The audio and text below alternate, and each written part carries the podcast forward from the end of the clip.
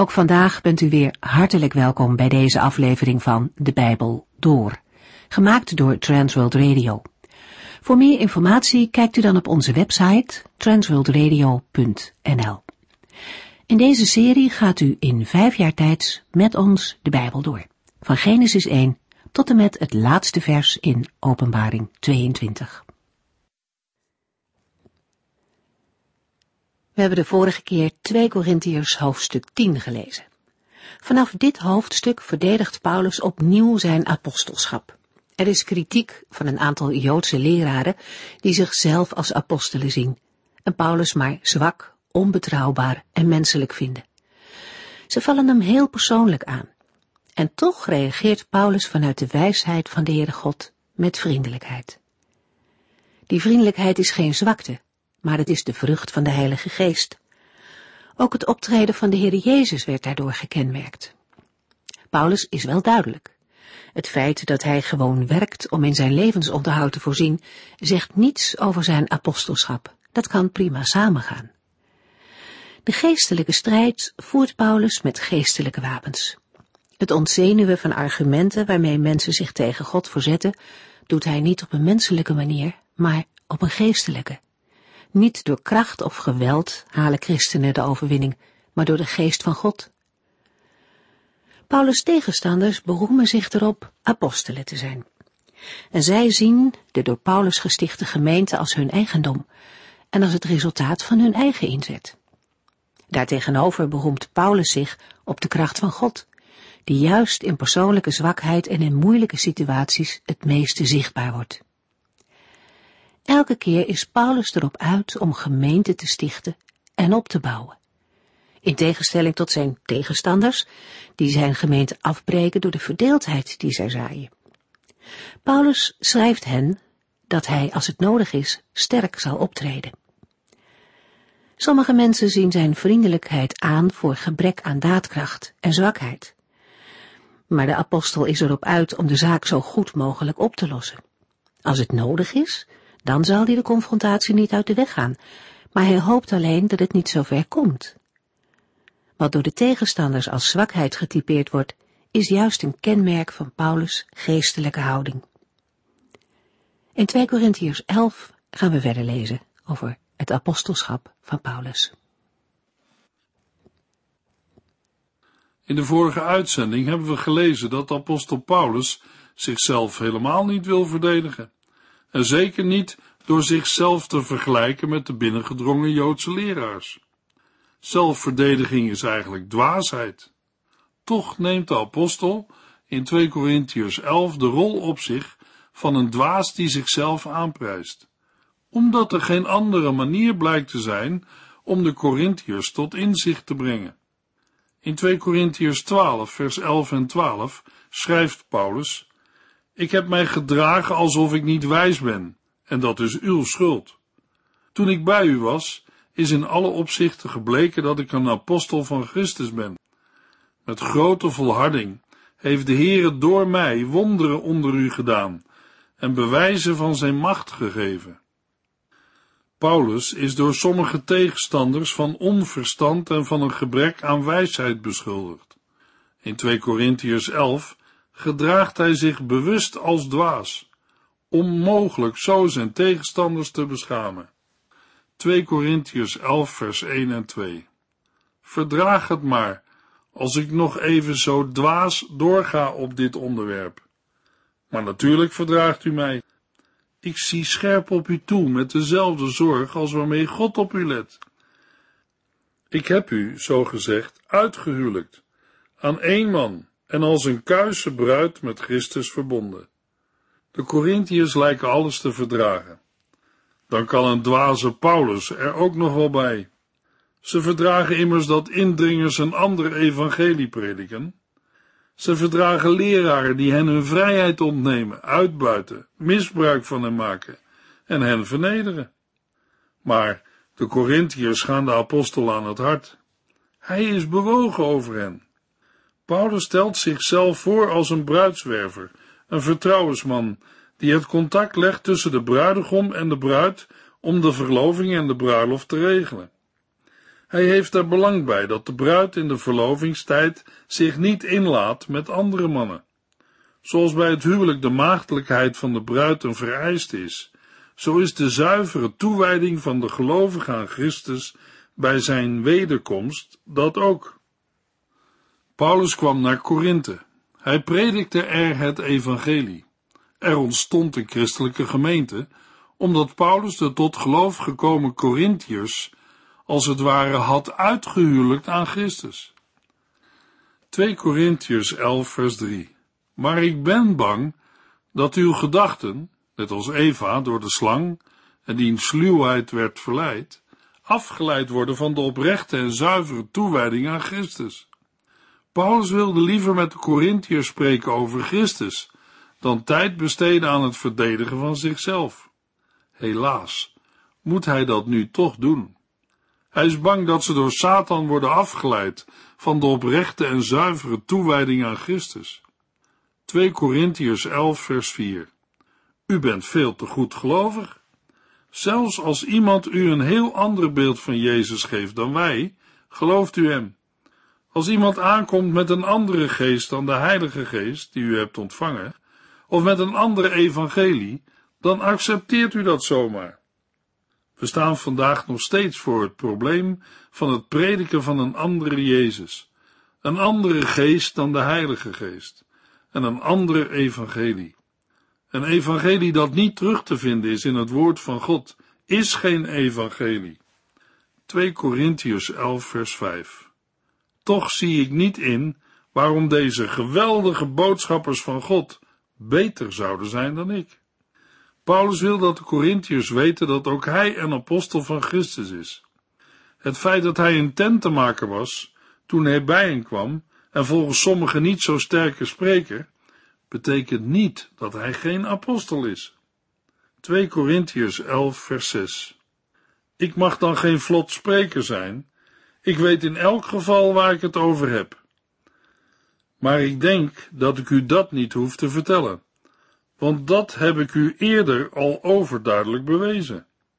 In 2 Korintiërs 12 geeft de apostel nog een nadere toelichting op wat hij hier nu zegt. We hebben het al gelezen. 2 Korintiërs 11 vers 7 tot en met 9. Heb ik er verkeerd aan gedaan u het goede nieuws van God te brengen, zonder er iets voor te vragen? Was het fout dat ik mij op die manier vernederde om u te verhogen? Om dat te kunnen doen, heb ik andere gemeenten als het ware beroofd, door de vergoeding aan te nemen die zij mij gaven. Toen ik gebrek had, heb ik u niets gevraagd, want de broeders die uit Macedonië kwamen, hebben in mijn nood voorzien. U heb ik nooit om geld voor mezelf gevraagd, en ik zal dat ook nooit doen. Paulus had zijn onderwijs, in tegenstelling tot de Joodse indringers, zonder financiële vergoeding aan de Corinthiërs doorgegeven. Dit argument van de financiële vergoeding wordt steeds weer tegen de apostel gebruikt, als een bewijs dat hij geen echte apostel is. Anders had hij wel gekregen waar hij recht op had. Maar Paulus gedraagt zich niet als de overige apostelen, die wel geld aannemen. Met een duidelijke ironie stelt Paulus de retorische vraag of hem deze handelwijze als zonde kan worden aangerekend. Paulus handelde bij de Corinthiërs niet verkeerd door geen geld van hen te vragen. Eerder was het feit dat hij van sommige gemeenten wel geld aannam, zonde. De apostel beschrijft het aannemen van geld met nogal sterke woorden. Let wel, het is ironisch bedoeld. Ik heb andere gemeenten als het ware beroofd door de vergoeding aan te nemen die zij mij gaven. In de Griekse grondtekst gebruikt Paulus militaire termen, zoals plunderen en soldij. Paulus stelt het voor alsof hij, als een slecht betaalde soldaat, zijn eigen soldij door plundering bij andere gemeenten heeft binnengehaald. Op ironische wijze klinkt tussen de regels door dat de Corinthiërs van geluk mogen spreken dat zij niet het slachtoffer zijn geworden van de plunderingen van Paulus. In werkelijkheid vond financiële steun alleen vrijwillig plaats. Paulus nam geen geld aan van pasbekeerden in de plaatsen waar hij het evangelie verkondigde. Wel aanvaarde hij ondersteuning van bestaande gemeenten en langer bekeerde gelovigen, die zo deel wilden nemen in de verkondiging van het evangelie.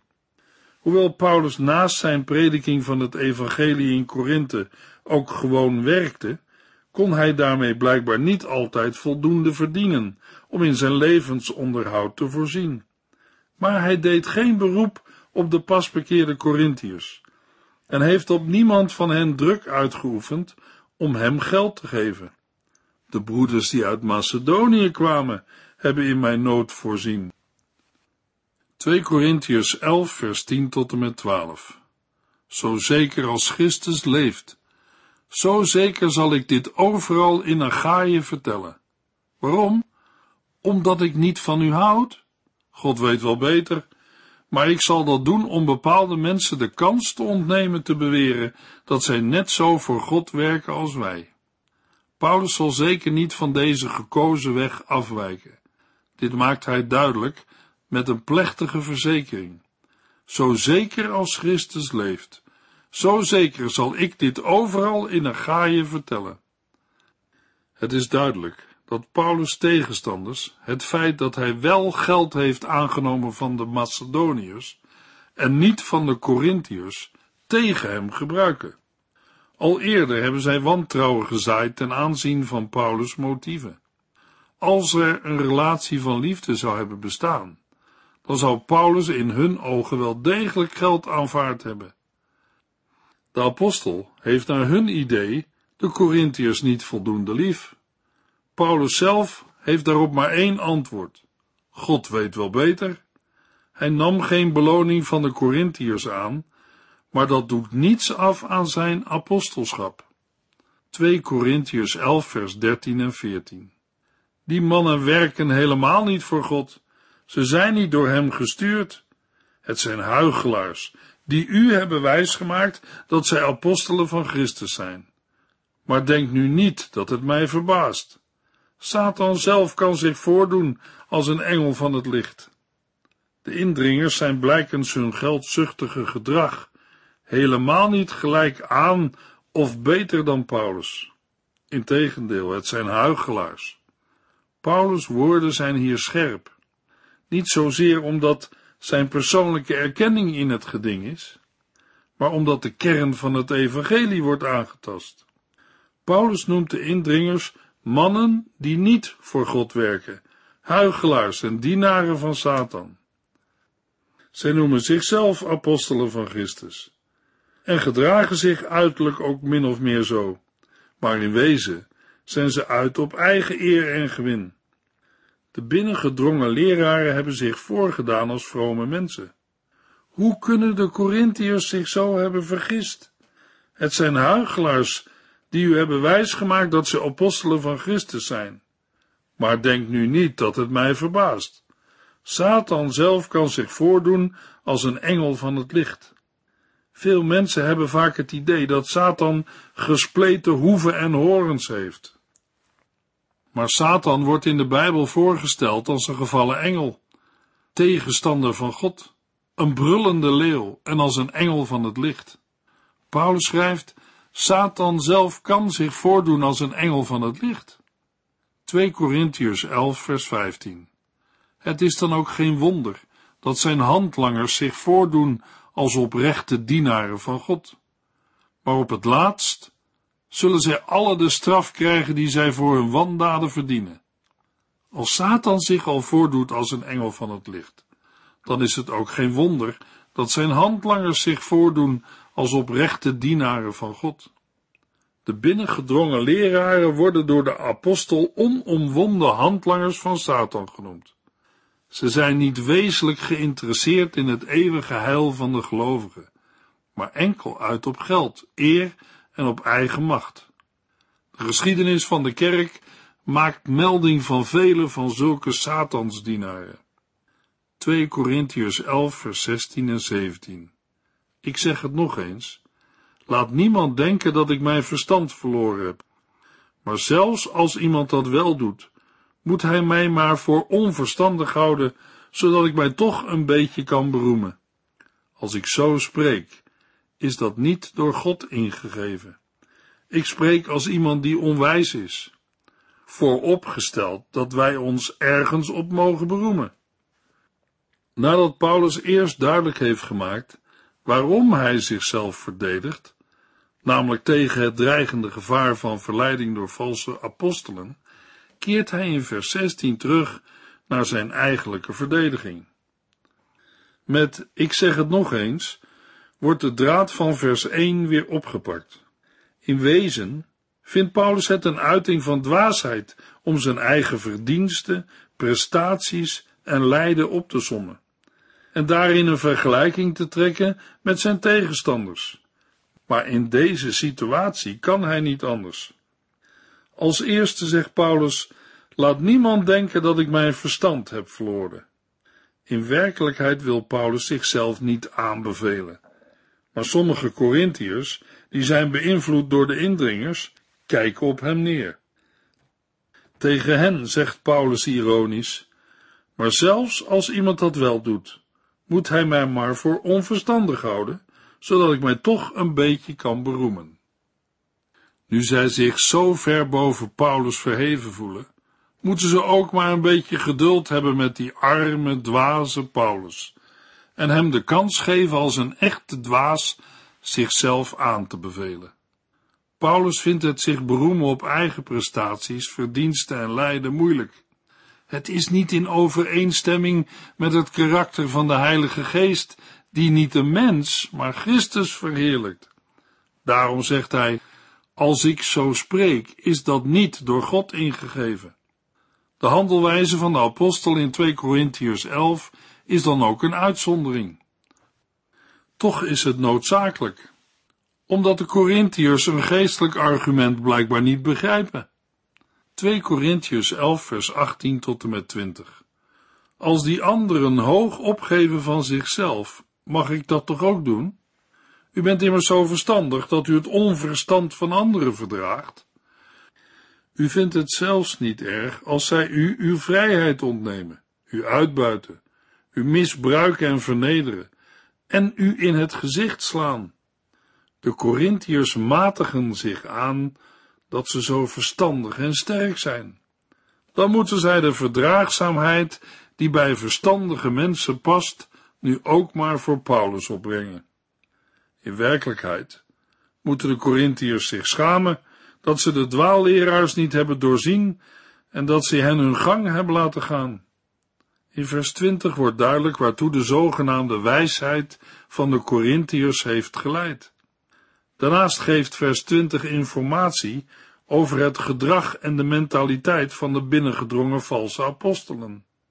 De indringers zijn heerszuchtig en gedragen zich als heersers over de gelovigen.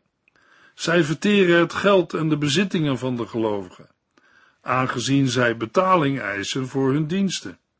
Zij geven hoog op van zichzelf en verheffen zich ten koste van anderen. De uitdrukking, u vindt het zelfs niet erg als zij u in het gezicht slaan, kan letterlijk, maar vooral ook overdrachtelijk worden verstaan. De indringers zijn meesters in het vernederen van hun medegelovigen, wat ook blijkt uit het vernederen van Paulus. 2 Korintiërs 11 vers 21 en 22 Ik ga me straks nog schamen dat wij u zo zacht hebben aangepakt. Maar vergis u niet, wat zij durven zeggen, en nu spreek ik weer alsof ik niet wijs ben, dat durf ik ook. Zij zijn Hebreeërs, ik ook. Zij zijn Israëlieten, ik ook. Stammen zij van Abraham af? Ik ook. Vergeleken met het machtsvertoon, de inhaligheid en de intimidatie van de valse apostelen, was het optreden van Paulus maar zwak. De indringers gaan kennelijk prat op hun Joodse afkomst en voelen zich daarmee verheven boven gelovigen die geen Joden zijn. Maar ook Paulus is van Joodse afkomst. De drievoudige herhaling van zijn Joodse identiteit dient ter bekrachtiging, maar geeft ook verschillende aspecten van het Jood zijn aan. De indringers zijn op geen van deze terreinen aan Paulus superieur. 2 Korintiërs 11 vers 23 en 24. Werken zij voor Christus? Ik ben natuurlijk niet wijs dat ik dit zeg, maar ik heb veel harder gewerkt dan zij. En zo kan ik wel doorgaan. Ik heb veel vaker in de gevangenis gezeten. Ik ben ettelijke keren afgeranseld. Ik heb meermalen oog in oog met de dood gestaan. Ik heb van de Joden vijf keer de beruchte veertig min één zweepslagen gehad. Om als dienaar van Christus zich met deze valse apostelen te vergelijken en net als zij te roemen op prestaties, is in de ogen van Paulus absoluut dwaas. Maar hij kan in dit geval niet anders. Waarin de apostel Paulus de tegenstanders heeft overtroffen, illustreert hij met een aantal argumenten. Ik heb harder gewerkt, vaker in de gevangenis gezeten. Ik ben afgeranseld en heb meermalen oog in oog met de dood gestaan. De bediening van Paulus werd gekenmerkt door vele aanslagen op zijn leven. Bewijzen al deze dingen, die hem om Christus werden aangedaan, niet dat hij meer dan anderen een dienstknecht van Christus is? Het Bijbelboek Handelingen geeft geen informatie over de hier genoemde bestraffingen en lijden van Paulus. Ze moeten in de tijd van handelingen zijn voorgevallen, omdat Paulus toen regelmatig in conflict raakte met de autoriteiten van plaatselijke synagogen. Dit kan al kort na zijn bekering zijn begonnen. De toepassing van de maximale straf, de beruchte 40 min 1 zweepslag, maakt duidelijk dat Paulus door de Joden van een ernstig misdrijf werd beschuldigd. Vermoedelijk wetsverachting, door het verkondigen van de rechtvaardiging door het geloof in Jezus Christus buiten de wet om. 2 Korintiërs 11 vers 25 tot en met 27 Ik ben drie keer met stokken geslagen en één keer met stenen bekogeld. Ik heb drie keer schipbreuk geleden ik heb eens een nacht en een dag in open zee rondgedobberd. Ik heb veel gereisd, waarbij ik vaak gevaar liep door overstromingen, rovers, aanvallen van mijn eigen volk en van anderen. Altijd dreigde er gevaar, rellen in de steden, dood in de woestijn, verdrinking op zee, verraad door valse christenen. Het gebruik van de roede, een takkenbos, bij bestraffingen was typerend voor de plaatselijke Romeinse overheid. Het enige voorval dat in handelingen hierover is beschreven, vinden we in handelingen 16 vers 22. Hoewel Romeinse burgers nooit zonder vorm van proces mochten worden gegezeld of geslagen, gebeurde dit af en toe toch. De steniging van Paulus de Lystra staat vermeld in handelingen 14 vers 19. Als door een wonder overleefde de apostel deze uitbarsting van volkswoede. Drie keer heb ik schipbreuk geleden. De enige schipbreuk die in handelingen wordt genoemd, kan hier buiten beschouwing blijven, omdat deze pas enkele jaren na het schrijven van de Korinthebrief plaatsvond. De genoemde schipbreuken worden in handelingen niet vermeld, maar zij kunnen in de eerste jaren na Paulus' bekering hebben plaatsgevonden een periode waarover het boek Handelingen zwijgt. Het reizen per schip was bepaald niet zonder risico's. In twee gevallen vond de schipbreuk kennelijk bij de kust plaats, zodat Paulus spoedig het land kon bereiken. Eén keer verging het schip midden op zee. Paulus schrijft erover: Ik heb eens een nacht en een dag in open zee rondgedobberd. Pas na zo'n 24 uur op wrakhout te hebben rondgedreven, kwam er hulp opdagen. Het is natuurlijk ook mogelijk om bij deze woorden te denken aan de mogelijkheid dat de apostel er zelf in slaagde de kust te bereiken. Paulus heeft in zijn werk als dienstknecht van Jezus Christus heel wat moeten meemaken en doorstaan. Een goed moment om ons te realiseren wat een voorrecht het is om in een land te wonen waar vrijheid van godsdienst is. 2 Korintiërs 11 vers 28 En dat is nog niet alles. Elke dag voel ik de verantwoordelijkheid voor alle gemeenten. Naast alle genoemde gevaren en ontberingen gaat Paulus bovendien gebukt onder een zorg die direct samenhangt met zijn bediening, namelijk de zorg voor de door hem gestichte gemeenten. 2 Korintiërs 11 vers 29 tot en met 31 wie is zwak, zonder dat ik met hem meevoel? Zou het mij koud laten als iemand ten val werd gebracht? Als ik mij ergens op moet beroemen, doe ik dat liever op de dingen waarin ik zwak ben. God, de Vader van onze Heer Jezus Christus, die voor altijd alle eer toekomt, weet dat ik de waarheid spreek. Vers 29 geeft twee voorbeelden van Paulus' zorg voor de gemeente. Die zorg beperkt zich niet tot de gemeenten als geheel, maar strekt zich ook uit tot de individuele gelovigen. Paulus' medeleven met zijn medebroeders en zusters gaat heel ver. Als we de thema's waarop Paulus geroemd heeft bekijken, dan komen we tot de conclusie dat het voornamelijk gaat om moeiten, slagen, gevangenschappen en doodsgevaren. Eigenlijk thema's waarin de eigen onmacht van de apostel naar voren komt. Daarom schrijft Paulus, als ik mij ergens op moet beroemen, doe ik dat liever op de dingen waarin ik zwak ben. Ten slotte, Paulus verzekert plechtig dat hij de waarheid spreekt. Het is de inleiding op de slotverse van 2 Korintiërs 11. 2 Korintiërs 11 vers 32 en 33. Toen ik in Damaskus was, liet de stadhouder van koning Aretas de stad bewaken om mij gevangen te kunnen nemen.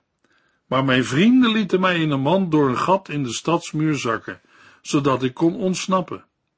Paulus laat zien hoe onmachtig hij zelf is en hoezeer hij afhankelijk is van de macht en de zorg van de Heere.